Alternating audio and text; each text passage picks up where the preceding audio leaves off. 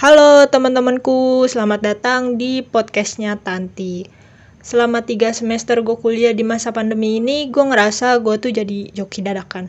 Iya, gue bukan ngerjain tugas gue doang, tapi gue juga ngerjain tugas sekolah adik-adik. Pasti nih kalian yang punya adik-adik tuh ngerasain juga kan ngerjain tugas sekolahnya dari mulai tambah-tambahan, perperan, kali-kalian, terus mungkin pelajaran IPA, IPS, bahasa, pokoknya udah kayak kita aja deh yang belajar gak cuman tugas ada-ada doang, permintaan buat ngerjain tugas juga meningkat dari teman-teman. Sekadar info aja, temen gue tuh sebenarnya banyak. Tapi kalau kuliahnya masuk, kalau kuliahnya libur, ya ada sih satu atau dua orang, ya bisa dihitung jari lah pokoknya. Nah, kalau masuk kuliah, biasanya tuh teman-teman gue ada aja yang minta ngerjain tugas dari mulai teman sekelas, satu jurusan, bahkan sampai beda jurusan dan beda kampus gue tuh kadang suka mikir ya ini kalau gue selesai kuliah titel gue kayak nggak cuma satu nih harusnya nih.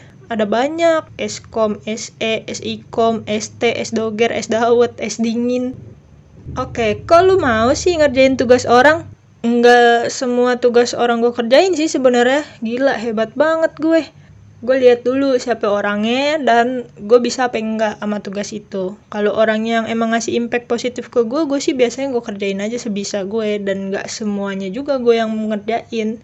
Tapi kalau orangnya yang tiba-tiba minta kerjain tugas ke gue dan nggak ada impact positifnya waduh say no banget. Walaupun kenal ataupun teman sekelas juga nggak bakal gue kerjain. Pelit banget nanti bodoh amat. Lo juga nggak ngasih impact positif kan ke gue? Enak banget dong kalau temen yang tiba-tiba datang cuman buat tugas atau ujian terus gue kerjain tugas atau ujiannya setelah itu usaha dia di mana? Ya memang sih nyontek adalah bagian dari usaha. Tapi menurut gue selagi bisa ngerjain sendiri ngapain nyuruh orang buat ngerjain ya kan? Kalau tugas atau ujian yang bentuknya individu ya mending sih ngerjain sendiri lah mau bisa ke mau enggak yang penting tuh hasil sendiri. Kebanyakan dari kita nggak mau ngerjain sendiri karena kita beranggapan bahwa soalnya ah susah nih, gue nggak bakal ngerti, gue nggak mampu lah pokoknya gue nggak bisa. Padahal kita juga belum coba buat ngerjain. Kalau gue sih ngehadapin teman-teman yang kayak begitu ya gue bilang kerjain aja dulu, gue kasih tahu materinya yang mana, kalau nggak ngerti baru tanyain lagi kalau nanyanya jawaban jarang banget gue kasih. Tapi kalau nanya caranya gimana baru gue kasih tahu. Gue nggak peduli orang mau bilang gue pelit atau ribet. Karena menurut gue kalau ngebantu temen itu bukan ngasih jawaban terus tinggal suruh ganti nama. Bukan. Tapi kasih tahu caranya sampai dia ngerti. Setelah itu dia yang ngerjain sendiri Justru malah kasihan sih kalau cuma dikasih jawaban-jawaban doang terus suruh ganti nama. Impactnya bisa bikin gak ngerti terus-terusan iya. Apalagi kalau yang pure nyalin ya tanpa ngulik-ngulik jawabannya kenapa bisa begini, kenapa bisa begitu. Terus juga bikin malas udah pasti karena udah keenakan disuapin mulu, dikasih jawaban mulu, malah jadi ketergantungan juga kalau iya ke depannya hubungan pertemanan itu baik-baik aja kan? Kalau selek gimana? Atau nggak usah selek deh. Kalau misalkan salah satu ada yang pindah kelas atau kampus aja. Mungkin yang sering diminta kerjain mah hidupnya akan aman-aman aja ya.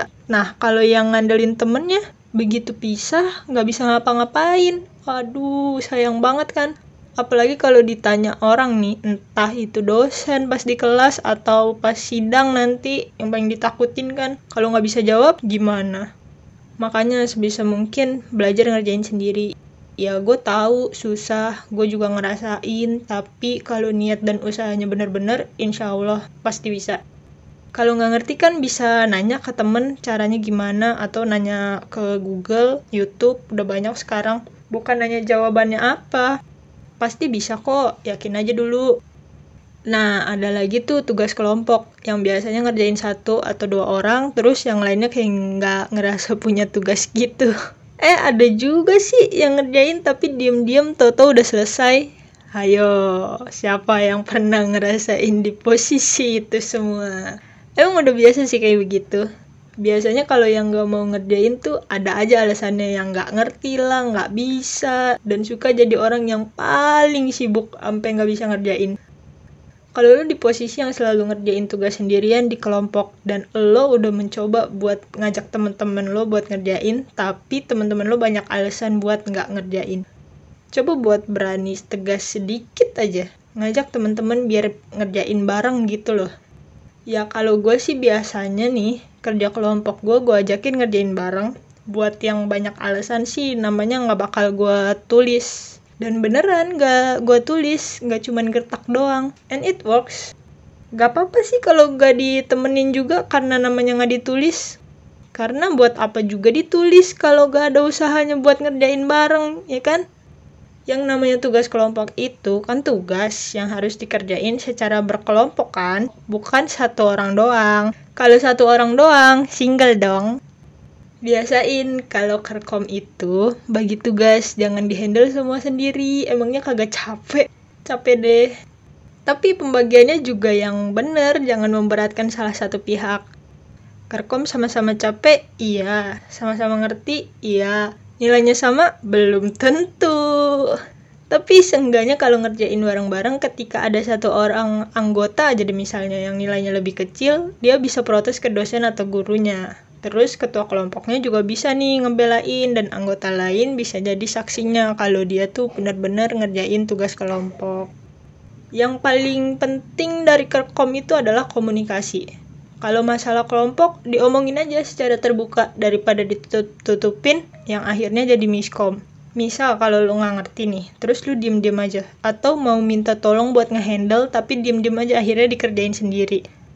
Kerkom itu kan bukan cuma ngerjain tugas aja, tapi juga buat belajar bareng, transfer ilmu, yang lebih tahu atau lebih paham bisa ngejelasin ke temennya yang belum paham. Begitupun yang nggak paham, nanya ke temen yang udah paham biar sama-sama paham.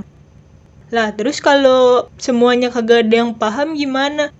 Ya kalau nggak ada yang paham bisa searching bareng-bareng, baca bareng-bareng, terus sharing apa yang didapetin jadi bisa paham bareng-bareng. Selesainya juga lebih cepat dan lebih bagus hasilnya karena teamworknya baik.